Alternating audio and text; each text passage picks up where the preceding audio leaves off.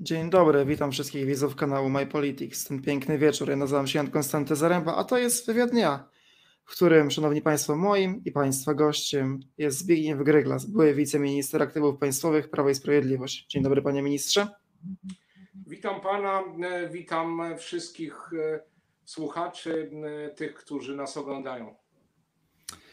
Dobrze, to w takim przypadku przechodzimy do pytań. Szanowny panie ministrze, mówię oczywiście jako do byłego wiceministra aktywów państwowych. Co z tym Turowem w końcu? Czy warto walczyć tą kopalnię mimo rujnowania relacji z Czechami i kar, które płacimy już od dnia? Szanowni Państwo, kopalnia i cały kompleks e, turoszowski to zasób strategiczny Rzeczypospolitej. Y, ja przypomnę, że on produkuje około 7% energii elektrycznej, którą zużywamy w Polsce. E, to także, e, to także y, ciepłownictwo, bardzo ważne regionalnie dla Bogatyni, dla okolic. O tym także nie można zapominać, bo po prostu nie ma alternatywy, alternatywnego sposobu ogrzewania mieszkań, szpitali, E, żłobków, przedszkoli, szkół, które są zlokalizowane w tamtym e, regionie. E, ja szczegółowo zapoznawałem się z sytuacją w Turowie i działaniami, które strona polska podejmowała, i muszę powiedzieć, że zarówno strona rządowa, myślę tutaj o, o przedstawicielach rządu Rzeczypospolitej, jak też i sama e, Polska Grupa Energetyczna zrobiła bardzo wiele, by usatysfakcjonować naszych sąsiadów e, Czechów. My rozumiemy, rozumieliśmy e, ich obawy i staraliśmy się wychodzić naprzeciw tym, tym, tym obawom, rozpraszać je, zastosować takie środki, które by spowodowały, że to zagrożenie, o którym mówią często czescy politycy, czy samorządowcy, czy nawet zwykli mieszkańcy, no byłoby zminimalizowane bądź nawet zupełnie e, nie wystąpiłoby. E, myślę tutaj przede wszystkim o takim systemie monitoringu, który zaproponowaliśmy, monitorowania zarówno jakości powietrza, stanu wód, jak i e, generalnie środowiska naturalnego. Tych punktów monitoringu było kilka tysięcy. Zaproponowaliśmy Czechom, by ten monitoring prowadzić wspólnie, by to była e, nasza wspólna e, działalność i byśmy na bieżąco wspólnie także podejmowali decyzje, w jaki sposób reagować na stwierdzone ewentualne nieprawidłowości. Druga kwestia to działania takie ponadstandardowe. Polska Grupa Energetyczna E, zaproponowała budowę takiego specjalnego ekranu kosztem wielu milionów złotych, około 17 milionów złotych e, e, zostanie zbudowany ekran, który sięgnie w głąb ziemi około 100 metrów i no, zapobiegnie ewentualnym migracjom wody z terenu Czech na, na, na tereny kopalni. To są naprawdę działania takie ponadstandardowe i E, wykazaliśmy tutaj dużo e, dobrej e, woli.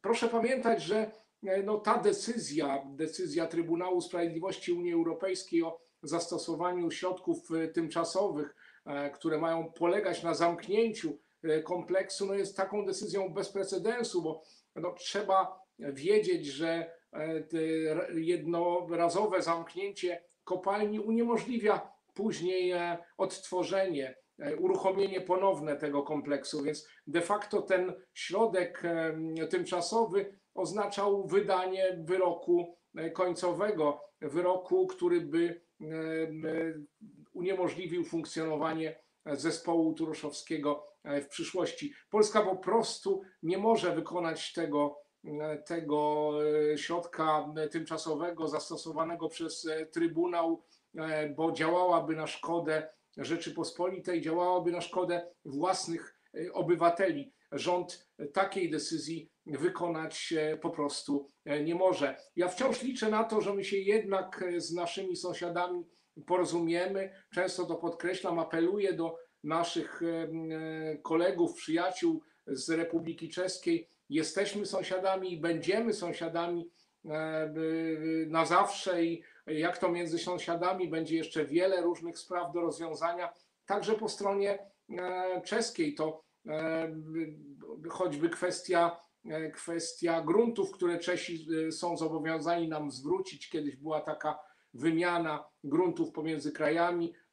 Czesi są wciąż nam winni zwrot około 400 hektarów gruntów. Więc tych spraw będzie jeszcze wiele. Nie warto palić mostów, warto się porozumieć dla dobra m, m, takiej e, przyszłości obu e, narodów, które żyją obok siebie i zgodnie współpracują.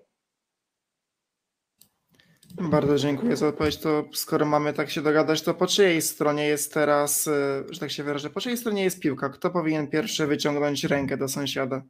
My czy Republika Czeska?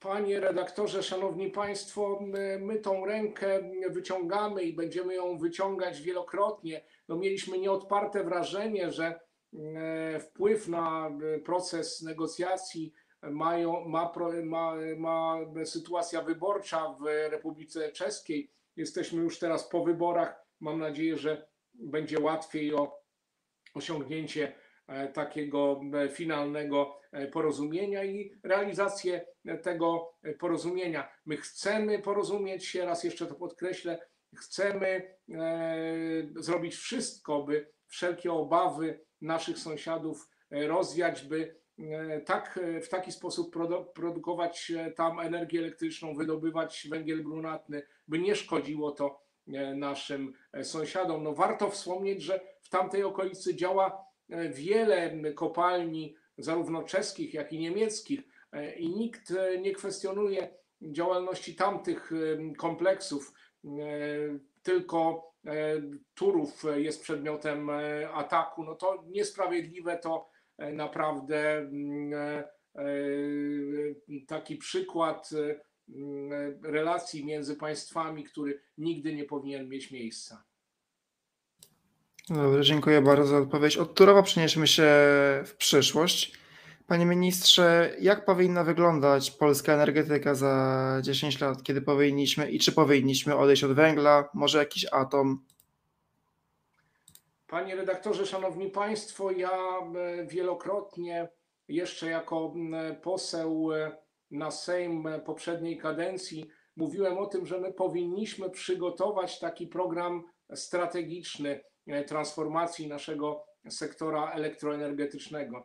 Dzisiaj ten program mamy. To m, m, program uchwalony przez e, rząd pod nazwą Polityka Energetyczna Polski do roku 2040 i tak naprawdę ten program, treść tego programu jest odpowiedzią na e, pańskie pytania. To jest e, rozwiązanie, które zaakceptował rząd, które jest takim rozwiązaniem, em, powiedziałbym, bardzo zdywersyfikowanym. My nie będziemy opierać się na jednym paliwie, tak jak to było e, dotychczas. Gro naszej energii elektrycznej wciąż wytwarzamy z węgla kamiennego, z węgla brunatnego, to jest około 70% naszej energii. W przyszłości ten udział węgla będzie bardzo niski, będzie spadał, by wreszcie e, całkowicie e, był zastąpiony przez źródła odnawialne. Taki jest, e, taki jest kieru- kierunek e, zmian w polskiej elektroenergetyce. No ale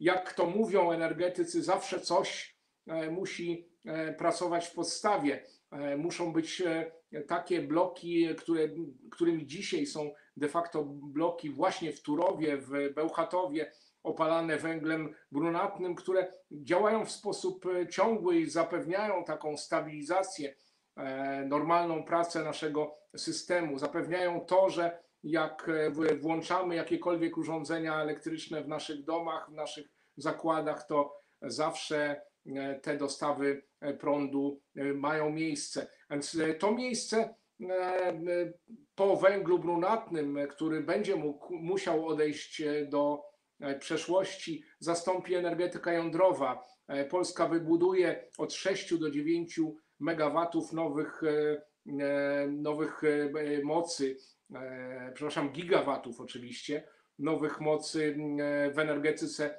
jądrowej. Bardzo rozwiniemy nasz, nasz segment odnawialnych źródeł energii. Będzie to nie tylko lądowa energetyka wiatrowa, która rozwijała się przez ostatnie lata właśnie na lądzie, ale będzie to także morska energetyka wiatrowa. Ta dziedzina jest szczególnie e, mi bliska. Przez lata byłem e, pełnomocnikiem do spraw morskiej energetyki wiatrowej. W Sejmie przewodniczyłem zespołowi, który zajmował się tymi kwestiami. Tutaj możemy liczyć na bardzo duży zastrzyk mocy z naszych analiz wynika, że co piąta megawattogodzina będzie pochodziła z Morza Bałtyckiego. Tak naprawdę mamy bardzo dobre warunki, by produkować prąd z morza i pewnie sięgniemy bardziej, jeszcze bardziej odważnie po, po te możliwości z Bałtyku. No, ostatni czas to prawdziwa eksplozja energetyki prosumenckiej, obywatelskiej. Na dachach domów wielu Polaków pojawiły się instalacje fotowoltaiczne. Dzisiaj pod koniec roku będziemy się zbliżali już do miliona takich, takich instalacji. To naprawdę wielki potencjał i to jest kolejny obszar, w którym będziemy, będziemy się rozwijać. Trzeba pamiętać, że no, te nasze zmiany, ten, ta nasza transformacja nie może z, zajść z dnia na dzień. To musi być proces, to musi być proces taki ewolucyjny, powolny. Muszę podkreślić, że istotną rolę odegra w tym procesie także gaz ziemny, który będzie takim paliwem przejściowym między węglem, a właśnie tym miksem opartym na energetyce jądrowej i odnawialnych źródłach energii. Polska i polski rząd w ostatnich latach zrobił bardzo wiele, by zdywersyfikować dostawy gazu ziemnego, byśmy mieli możliwość zaopatrzenia w gaz nie tylko z kierunku wschodniego, ale także z całego świata poprzez nasz terminal, który wybudowaliśmy w Świnoujściu.